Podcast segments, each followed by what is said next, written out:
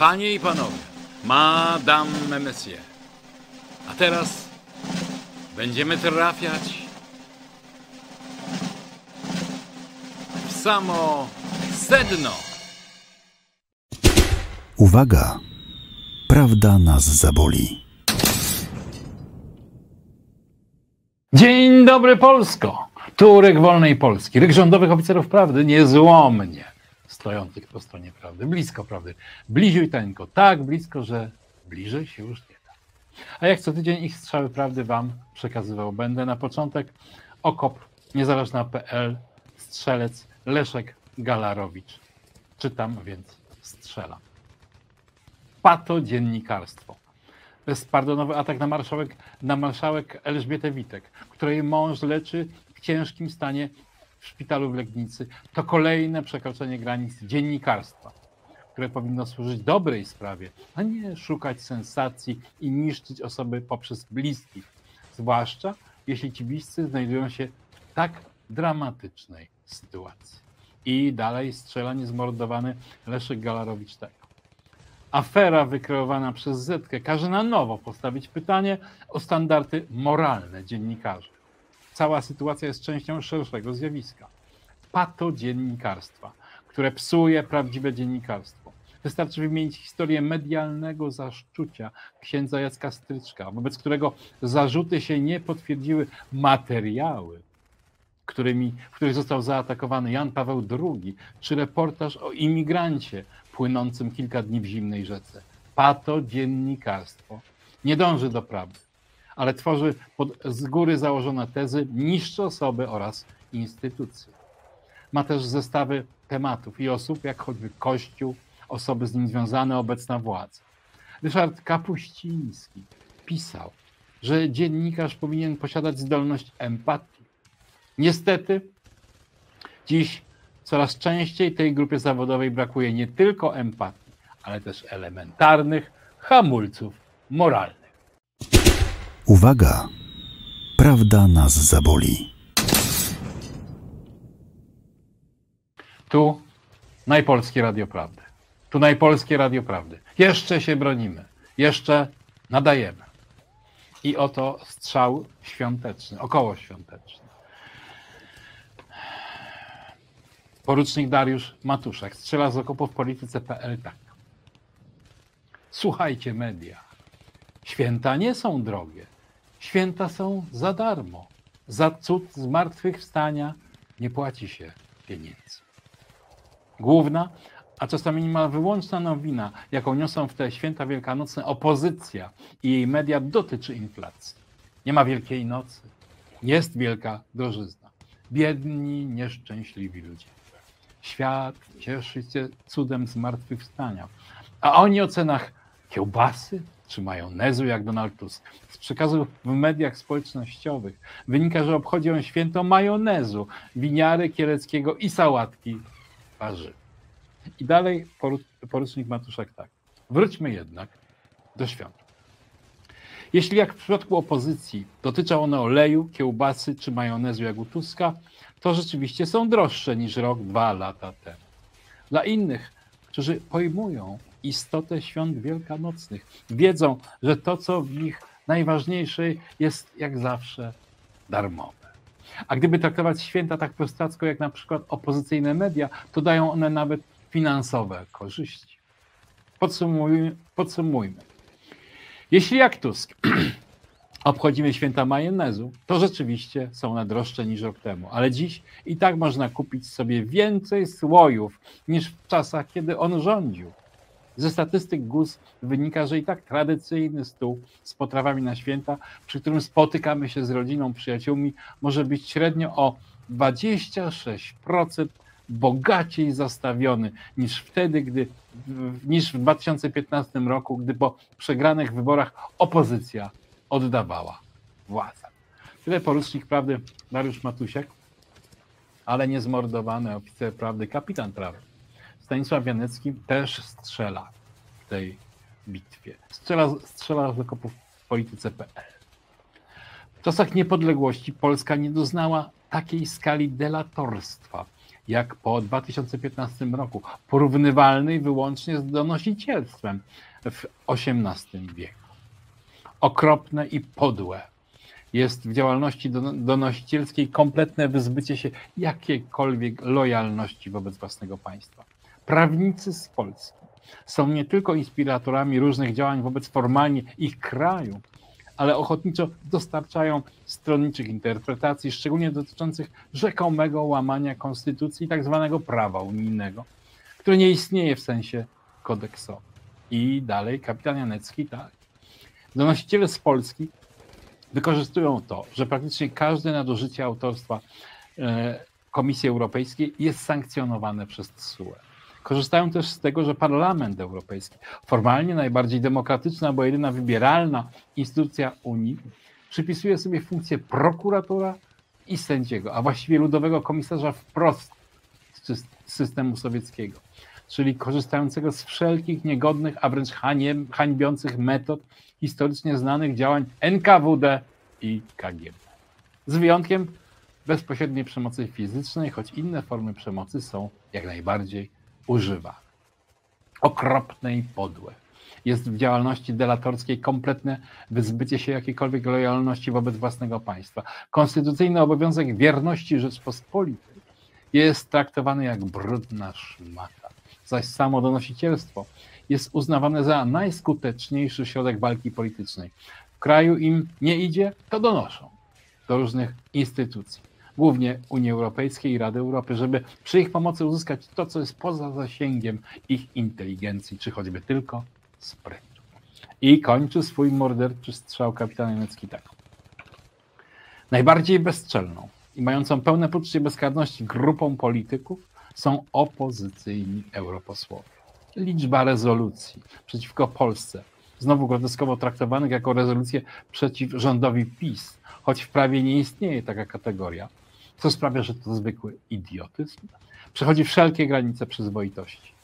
Podobnie jak przechodzą je wystąpienia Janiny Ochojskiej, Róży Tun, Andrzeja Halickiego, Magdaleny Adamowicz, Janusza Lewandowskiego, Roberta Biedronia, Leszka Millera, Włodzimierza Cimoszewicza, Sylwii Spurek czy Łukasza Kochuta.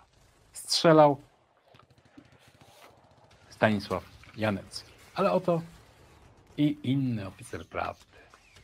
Jerzy Jachowicz. Nieznany mi jest jego stopień w wojskach prawdy, ale strzelał z okopów w polityce.pl tak. Nikczemność babci Kasi i innych na usługach Rosji tak jakby nie dostrzeżono do tej pory, do jakich zbrodni zdolny jest Putin. Bardzo to smutne. Rozpaczliwie przygnębiające.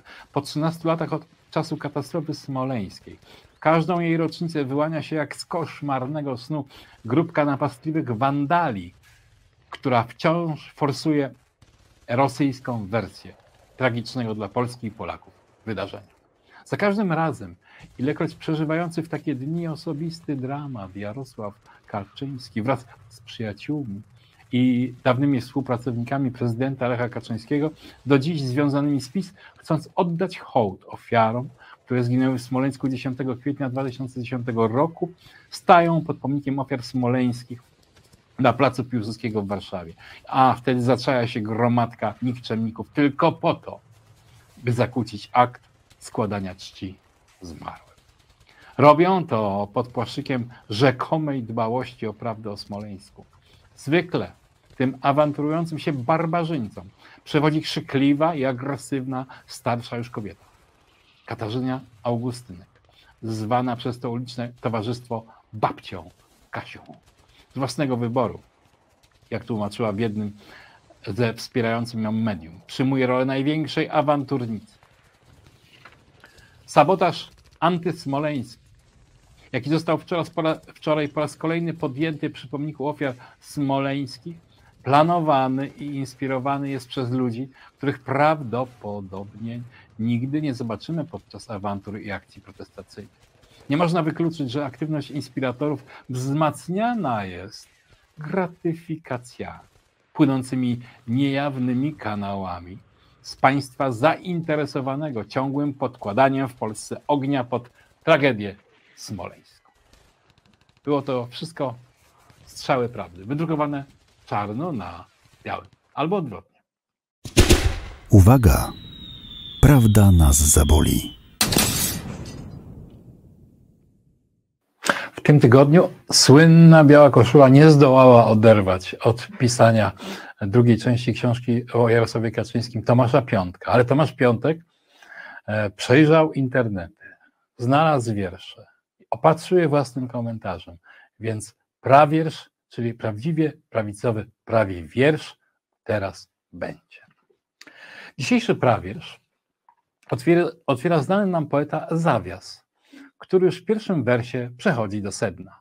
PO, PO, PO to gorzej niż zło, albowiem jest zło, poniżej zła jest zło wściekło.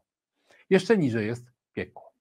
A pod piekłem się zapiekło, jak jajo dinozaura w lawie wrzącej PO ohydnie cuchnące.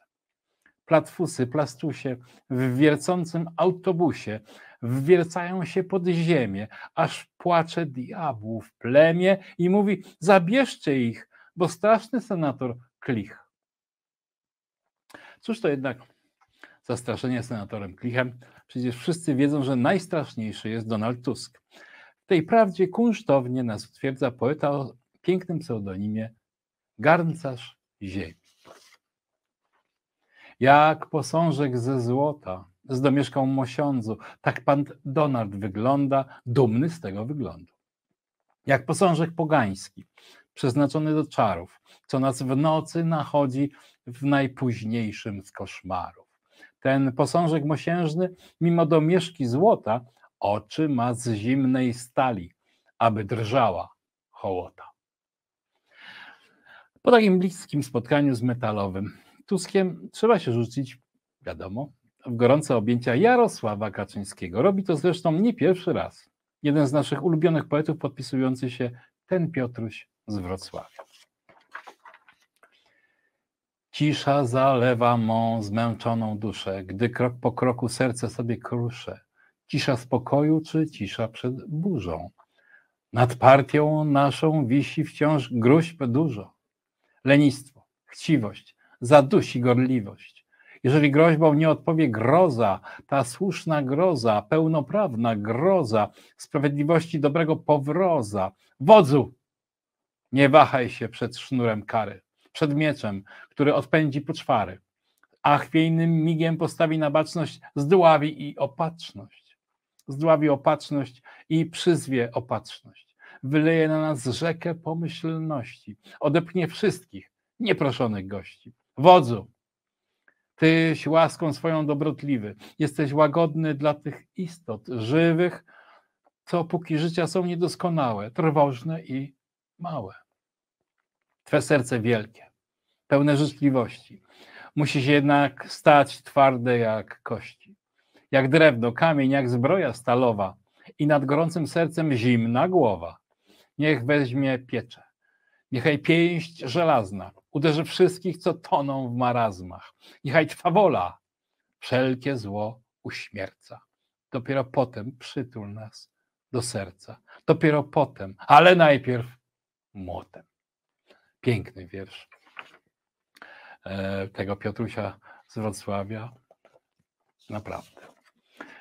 Ale cóż to za zło, które Jarosław Kaczyński powinien uśmiercić słusznym powrozem? To Żydzi podpowiada nam znany nam poeta Gladiator.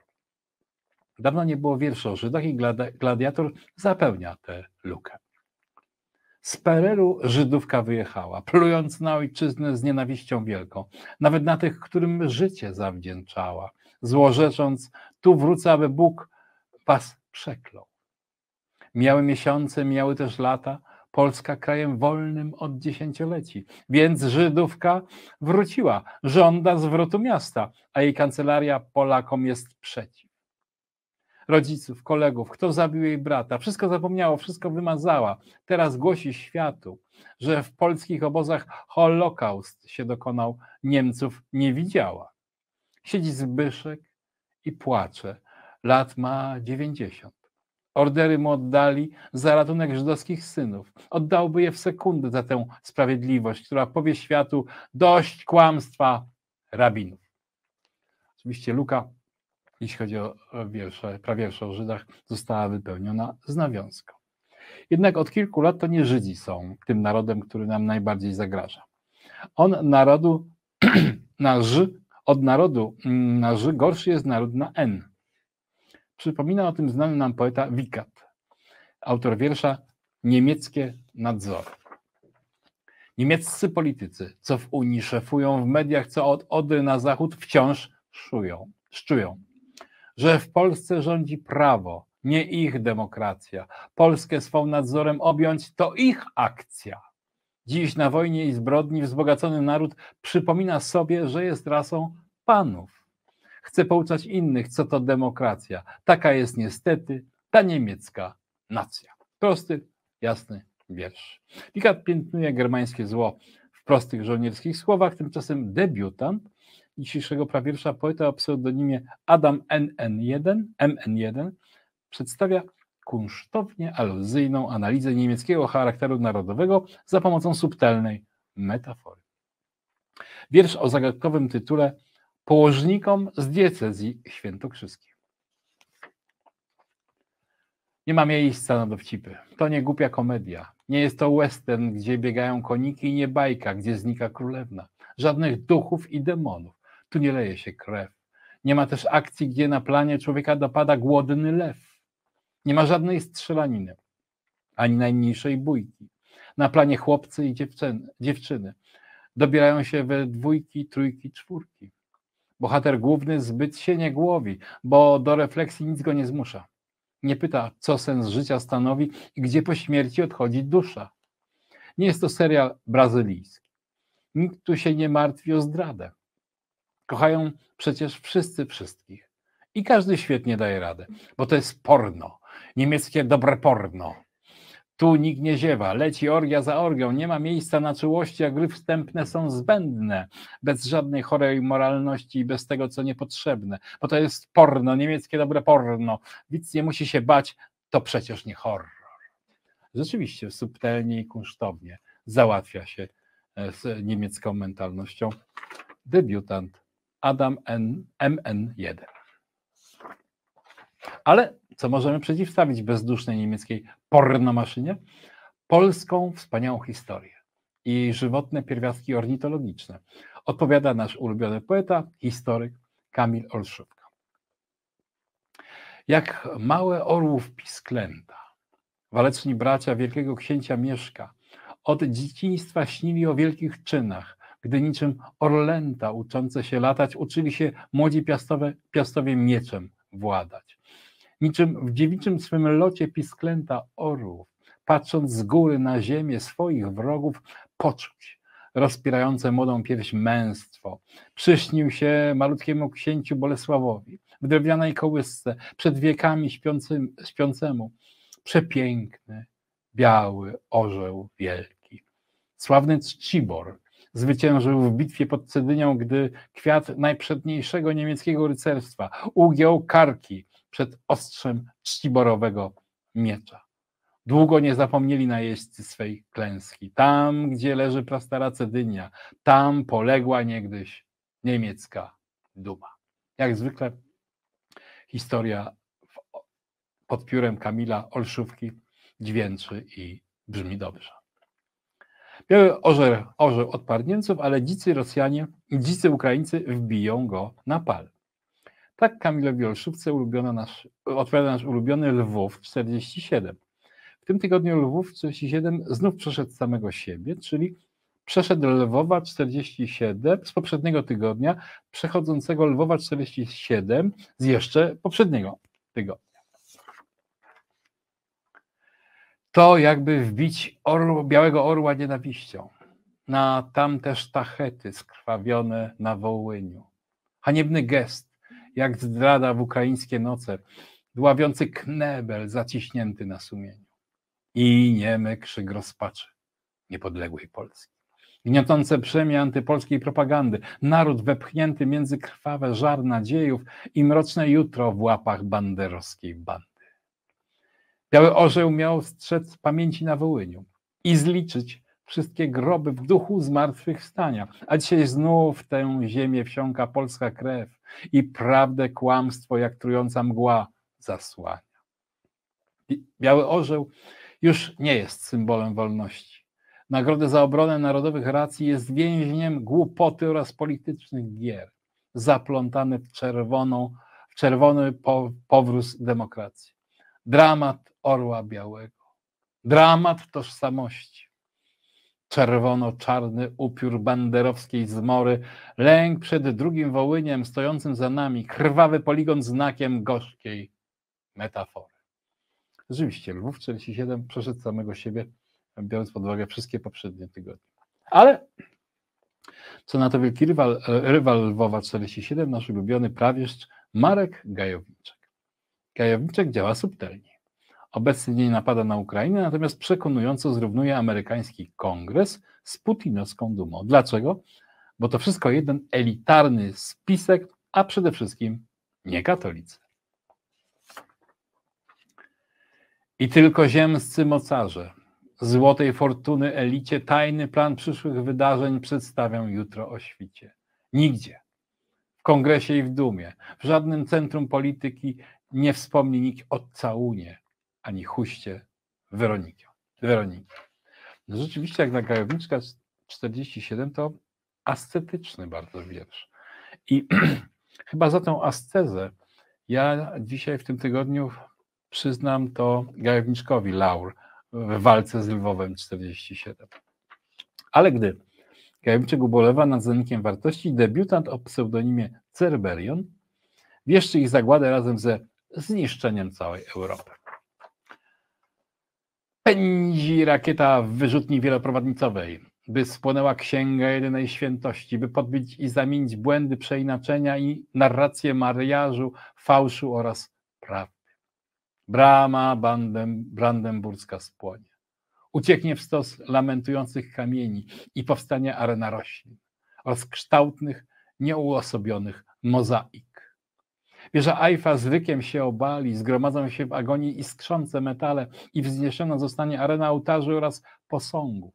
Nowe imperium zdepcze żelazną nogą gromadę nieuczłowieczonego. Nowe imperium zgniecie kamienną pięścią te domy Jordanu, gospody Kanaanu, Synaju i Fenicji. Ulice i tak się wykąpią we krwi, staną się akwenem. Śmierć raju, śmierć demokracji. Śmierć pierwszego wieku, śmierć demokracji. Nowy Napoleon z rok papieża siły koronę odebrał, zdekapitował wolność. I jaki powołany do życia będzie oddział szturmowy? No, nieco zagmatwany. Debiut Cerberiona, ale siła e, metafor e, silna. Więc zachęcamy do e, dalszej pracy nad chyba jednak bardziej jasnym mm, chłostaniem poezji. Pesymistycznym nastrojom daje odpór nasz ulubiony poeta doradca zarządu TVP Marcin Wolski. W tym tygodniu Wolski opublikował wiersz Nadzieja z Polski. Pięknie to się rymuje. Marcin Wolski, Nadzieja z Polski. Marcin Wolski, Nadzieja z Polski. O jaką nadzieję chodzi? Europa zostanie uratowana przed homoseksualną zagładą, bo PiSowi wzrosło w sondażach o parę procent. Znów się policzyliśmy.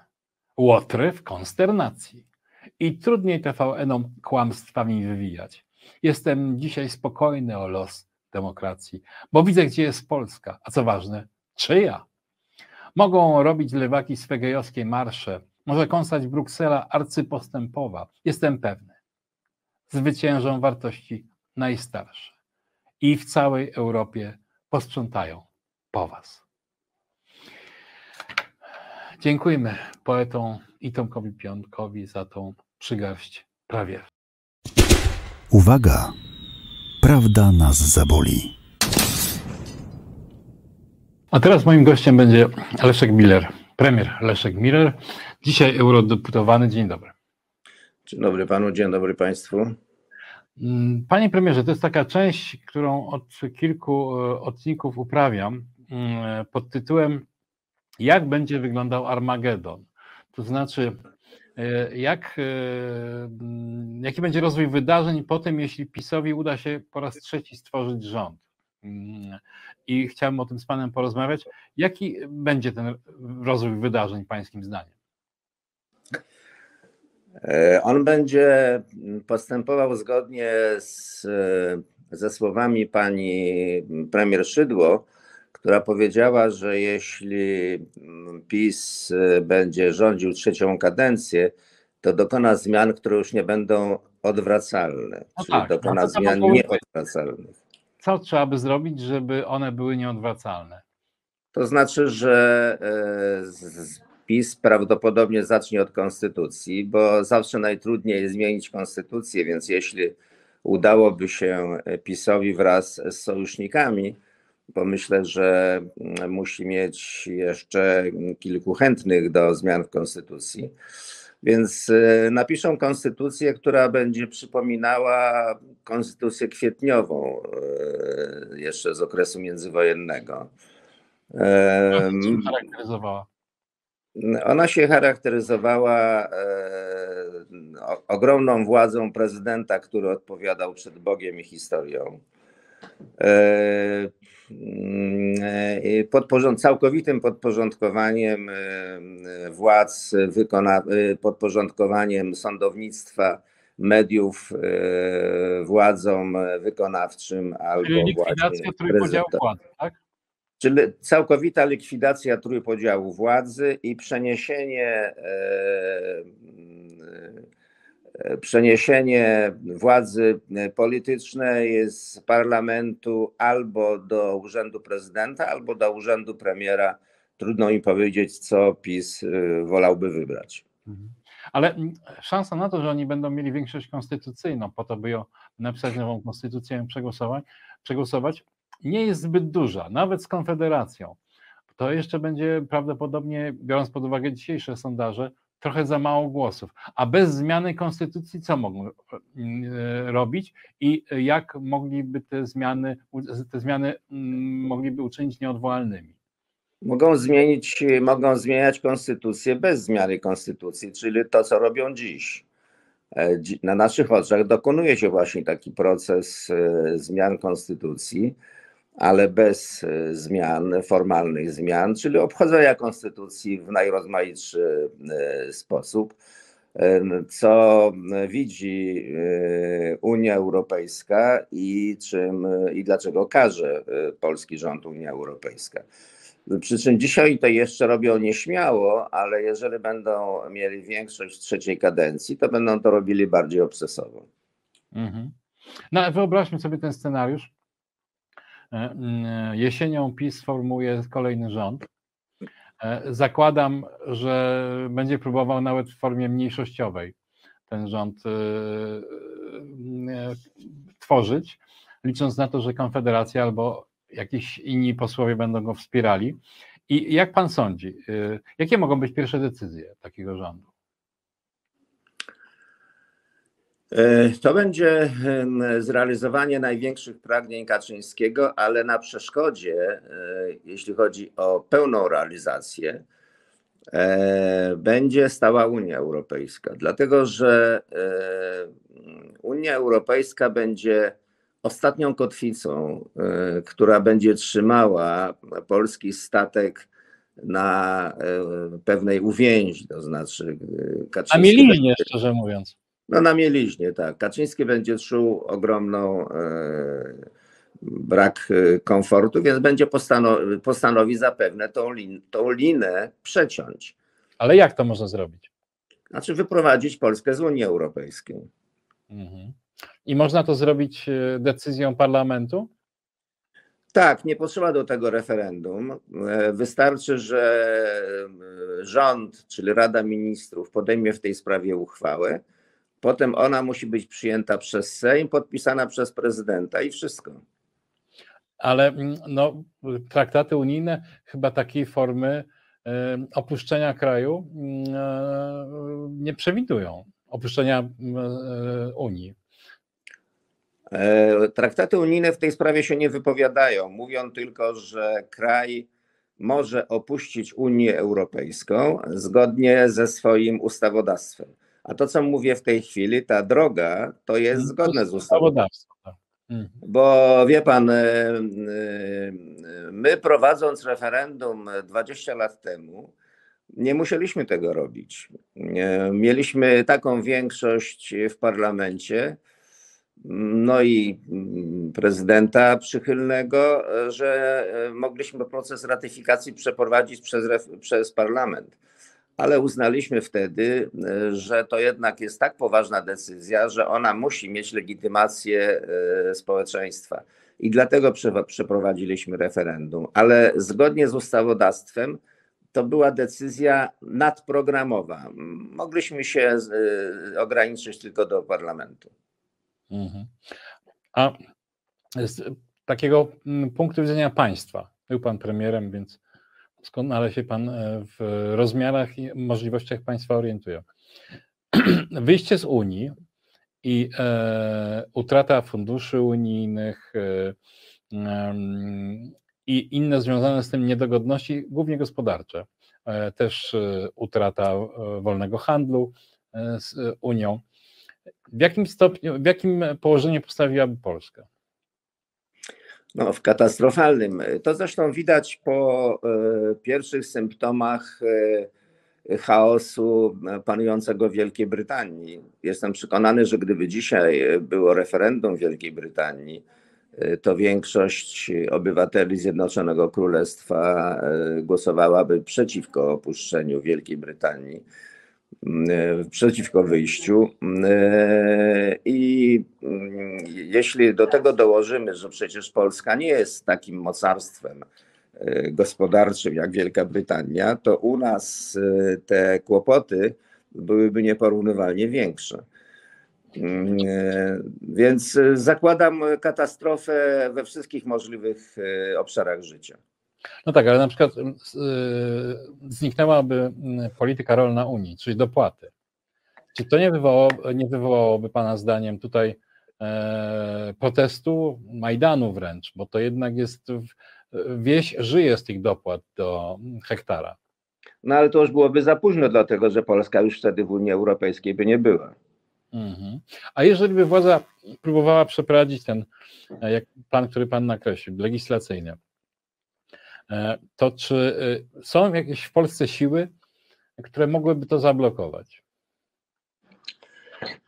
Wie pan, moja ocena zachowań społecznych jest coraz gorsza. Bo jak ja patrzę na Izrael i widzę Mm, ogromne demonstracje, 500 tysięczne w obronie niezawisłości sądów i e, widzę reakcję Polaków na to samo zjawisko, no to jest o czym myśleć.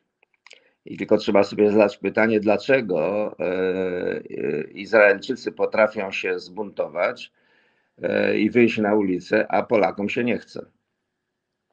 No, może poza okresem Solidarności, który też nie był zbyt długi, to potem jednak zazwyczaj się okazywało, że nieliczne grupy protestują, że nieliczne grupy są gotowe wytrwać w tym proteście, że są gotowe na jakiegoś rodzaju poświęcenie, może po prostu jesteśmy narodem oportunistów, którzy y, po prostu godzą się y, z pewną opresją i tylko starają się zapewnić sobie osobiście w miarę wygodne życie. Może tacy po prostu jesteśmy.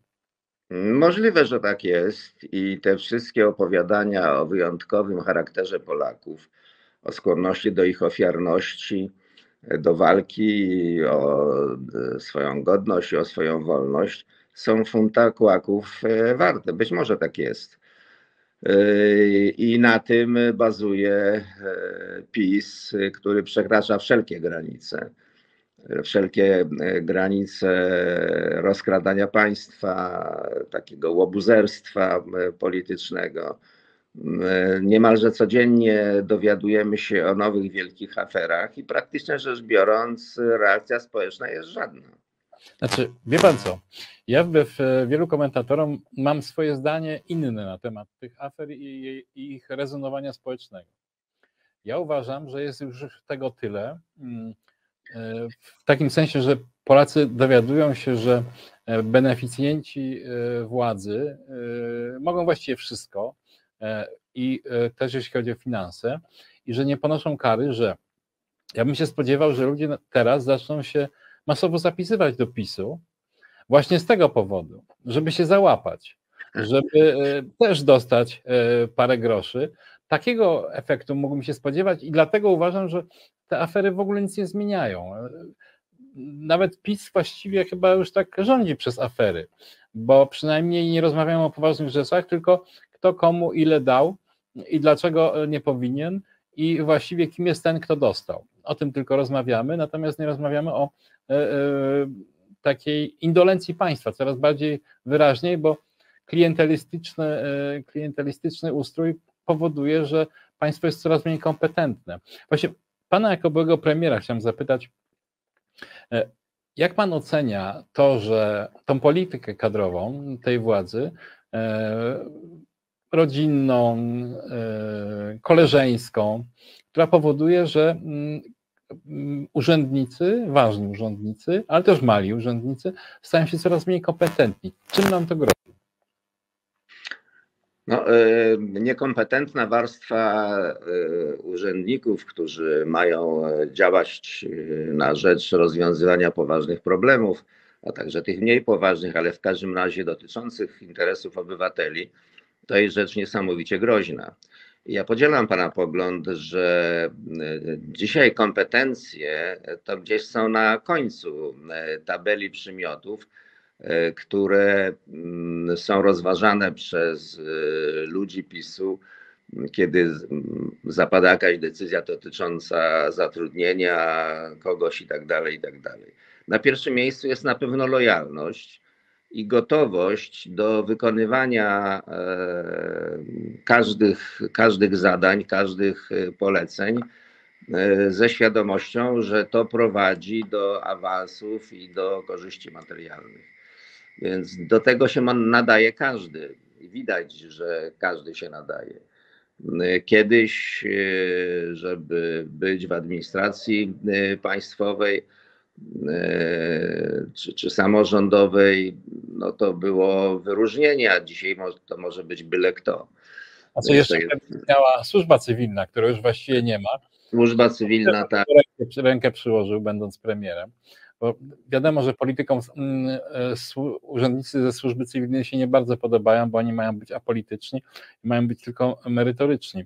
Ale są takie dziedziny, panie premierze, jak e, Ministerstwo Obrony Narodowej, wojsko, gdzie właśnie ten rodzaj e, awansowania i ten rodzaj nagradzania posadami może mieć mm, tragiczne skutki. No przecież pamiętamy, że te pierwsze lata rządów prawicy i Macierewicza wymiotły doświadczonych generałów, doświadczonych dowódców, którzy na misjach zdobywali te, zagranicznych zdobywali te doświadczenie i byli taką no naprawdę e, forpocztą e, e, dobrego, do, dobrego dowodzenia. Ich nie ma już. To było około 60 wysokich rangą dowódców musiał się pożegnać. W to miejsce awansowali często mierni dowódcy, tyle tylko, że gotowi potwierdzić wszystko, co mówi e, Macierewicz, a potem dzisiaj Błaszczak.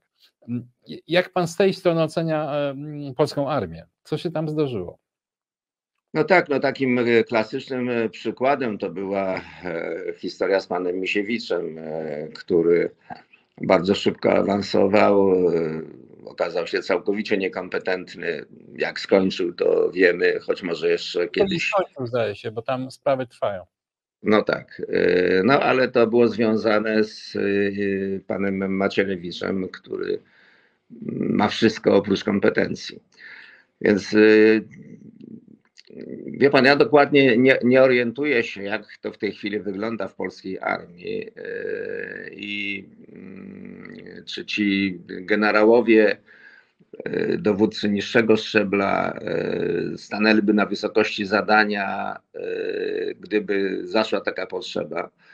Ale ja myślę, że to raczej byłby, że ta sytuacja dzisiejsza raczej by przypominała model z 1939 roku niż z innych okresów. To znaczy, co mam na myśli? To znaczy, gdyby rzeczywiście coś się nie zdarzyło, co pchnęłoby Polskę do wojny, czy Polska by została napadnięta, to wszyscy by pobiegli w stronę mostu na Zaleszczykach, tylko że teraz nie wiem, jaki to byłby most, ale w każdym razie Polska by została.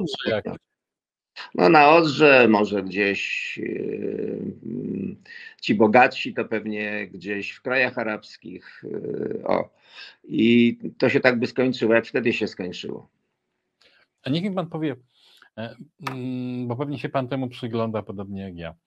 E, e, jeśli chodzi o trwałość mm, tej koalicji rządzącej, na pana nos polityczny kiedy tam dojdzie do otwartej wojny między Ziobro a Kaczyńskim, bo taka się musi zdarzyć i e, e, w tej wojnie jakąś figurą będzie też e, Morawiecki. Rozumiem, że do wyborów to oni będą udawali jedność, to wiadomo. Ale czy spodziewa się pan, że po wyborach może tam dojść do jakiegoś wybuchu, rozłamu, mm, politycznych zabójstw?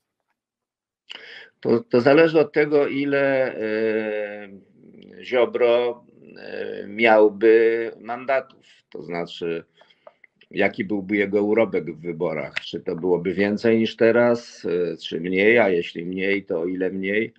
Gdyby to było mniej, to Kaczyński mógłby przestać z nim się w ogóle liczyć, e, zakładając, że na jego miejsce pojawiłaby się Konfederacja. Więc, e, żeby odpowiedzieć na to pytanie, trzeba znać e, rozkład sił po wyborach, a my tego rozkładu oczywiście w tej chwili nie znamy. A pan uważa, że e, możliwy jest, możliwa jest koalicja, może nieformalna, ale taka wspierająca Konfederacji z PiSem? Tak, uważam, że możliwa. Jeśli oferta ze strony PiSu byłaby szczodra, Y, to taka mm, koalicja jest możliwa, oczywiście. No tak, ale do niej by nie, chciał, nie chciałby doprowadzić Ziobro, bo z kolei to są trochę taki elektorat, do którego odwołuje się Ziobro, Janem Pawłem II, lasami imienia Jana Pawła II, e, e, tym wszystkim, e, tym wszystkim dęciem w trąby patriotyczno-klerykalne to jest ten sam elektorat, do którego odwołuje się Konfederacja, więc Ziobro chyba nie byłby skłonny e, e, przyjąć takiego koalicjanta, bo on go będzie zżerał. Jeszcze, to jeszcze raz to powtórzę. To wszystko zależy od tego, jakimi siłami będą dysponować główne partie po e, wyborach. Bo gdyby się okazało, że Kaczyński może sobie radzić bez Ziobry, to według mnie on to zrobi bez wahania to znaczy zastąpi Ziobrę kimś innym i przestanie Ziobrą się e, przejmować. Zresztą Ziobro bez e, miejsc w parlamencie, bez miejsc w rządzie e, również uwiędnie bardzo szybko. Ale nie, nie docenia go pan, jak zawsze zresztą, już przed laty nazwał go pan zerem, ale nie docenia pan go w jednej sprawie. On pracowicie, moim zdaniem, zbiera różne teczki, haki, kompromitujące materiały na e, swoich kolegów z prawicy. I jeżeli, jeżeli Kaczyński chciałby go odsunąć, albo nawet go odsunął, to wtedy rozpęta się tego rodzaju wojna, bo to dla Ziobry będzie już być albo nie być, bo już później tych kwitów nie wyciągnie. Tylko wtedy będzie mógł to zrobić. To prawda, ale wtedy Kaczyński będzie mógł go bardzo łatwo spacyfikować. Proszę e, pamiętać, że w takiej sytuacji kto inny będzie e, prokuratorem generalnym, kto inny będzie ministrem sprawiedliwości, kto inny będzie miał, kto inny będzie miał podporządkowanych e, prokuratorów. I wtedy nagle by się okazało, że któregoś pięknego dnia o godzinie 6 rano zobaczylibyśmy pana Ziobrę w kajdankach, który wędruje e, na miejsce. Rzeczywiście byłby piękny dzień. To byłby piękny dzień i e, w sytuacji, gdyby Ziobro zaczął e, zagrażać i taka byłaby ocena, to Kaczyński nie będzie miał wyjścia. Musi po prostu, jak to się mówi, zamknąć Ziobrę i jego kolegów. A obserwował pan przez lata Kaczyńskiego z bliska w polskiej polityce.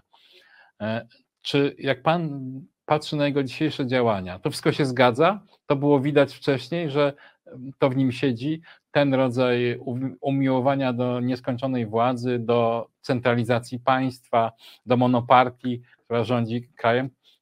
Widział pan to wcześniej w nim?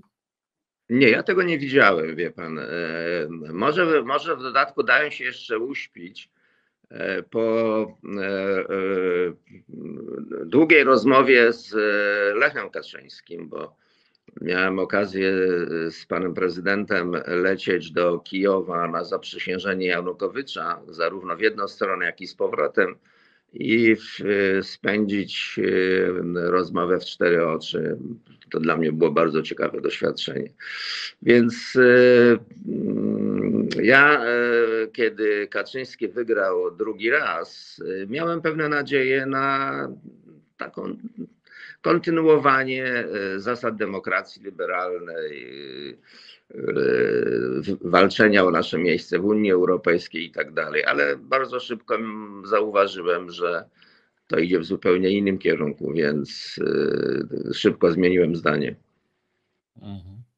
A dzisiaj ma Pan jeszcze jakieś, y, no może nie nadzieję, albo takie myśli, że może nie będzie tak źle, że może oni nie wrzucą nas do studni bez dna? Nie, nie mam, dlatego że widzę y, ten kurs, y, którym podąża Kaczyński bardzo wyraźnie. To jest y, kurs Orbana, mm, Putina, mm, czy wcześniej Franco, czy Salazara. A więc kurs, który zmierza do, do zbudowania państwa, gdzie wszystkie nici e, biegną do jednego centrum władzy politycznej e, i że wszystkie instytucje państwa są podporządkowane temu centrum. E, łącznie z sądownictwem, z mediami, z prasą i tak dalej, i tak. I to jest wtedy spełnienie marzenia Kaczyńskiego, który będzie mógł otrzepać się i powiedzieć: Dzieło mojego życia zostało dokonane. No, pan jest świadkiem historii, bo przecież w latach 80. był pan e, działaczem PZPR-u, jedynej partii, i, i, świadkiem e, takim naocznym, jak działa e, państwo zorganizowane w tak centralistyczny sposób z władzą jednej partii. I teraz ma pan podobne wrażenia, że to do, jakoś buduje się, jak gdyby odtwarza się w takim sensie mm, konstrukcyjnym PRL. Tak, w niektórych e, segmentach e, bardzo wyraźnie. E, mam na myśli właśnie sądownictwo. Zresztą po zamachu majowym Piłsudskiego Piłsudczycy zaczęli też od sądownictwa. To jest, to jest zresztą charakterystyczne dla każdej autorytarnej władzy, która nie znosi samodzielnych sędziów, którzy mogą wydawać wyroki zgodne e, z ustawami, a nie zgodne z mm, wolą e, czynnika politycznego. Więc e, to w dużym stopniu, ten kierunek, którym podąża Kaczyński, w dużym stopniu jest jakby zdjęty czy sfotografowany z ustrojów, gdzie rola monopartii jest tak potężna, że właściwie ta partia panuje nad wszystkim. Więc myślę, że, sobie, że Kaczyński tak sobie wyobraża, że PiS byłby taką monopartią, która panuje nad wszystkim. Panie premierze, bardzo dziękuję za te mm, niezbyt e, miłe prognozy, do których sam pana e, sprowokowałem. No ale lepiej e, opisywać ten Armagedon, zanim on się wydarzy, żeby potem móc usiąść w... Ma pan, e, ma pan rację, ja zawsze uważałem, że e, lepsza jest surowa prawda niż nawet najpiękniejsze złudzenia. Bardzo dziękuję za rozmowę pani. Dziękuję. Do widzenia panu. Do widzenia. Przerywamy program, aby nadać specjalne wystąpienie mózgu państwa. Polki, Polacy. Osoby tutejsze po operacji korekty płci. Przerażeni i nieludzko spokojni. Brodacy. Premier Mateusz Morawiecki poprosił mnie, bym uspokoił wzburzone morze ukraińskiego zboża w Polsce. Rząd rozpoczyna właśnie akcję spalania tego zboża w elektrowniach. Da to tanią energię w roku wyborczym i wyjdzie naprzeciw antyukraińskim nastrojom, bo przecież palić będziemy ukraińskie zboże. Kraje afrykańskie wpadły w czarną, nomen omen, rozpacz. Korzystając z okazji, chciałbym się zwrócić bezpośrednio do magister Julii Przyłębskiej. Powodu ostrej kłótni mężczyzn o to, czy jest, czy już nie jest prezesem Trybunału. Droga pani Julio, gdyby pani miała chociaż urodę Heleny Trojańskiej, a tak pozabijałem się za nic. A teraz czas na głębszą refleksję. Okropnie fajnie jest i strasznie śmiesznie. Rodacy i tajniacy. Po świątecznych jajach, ciastach, mięsach i kiełbasach czas wysmuglić sylwetkę. Najłatwiej to zrobić, kładąc się pod walec historii. Jak to już wiele razy u nas bywało. Walec nadjeżdża. To tyle. Dziękuję za odwagę. Uwaga! Prawda nas zaboli.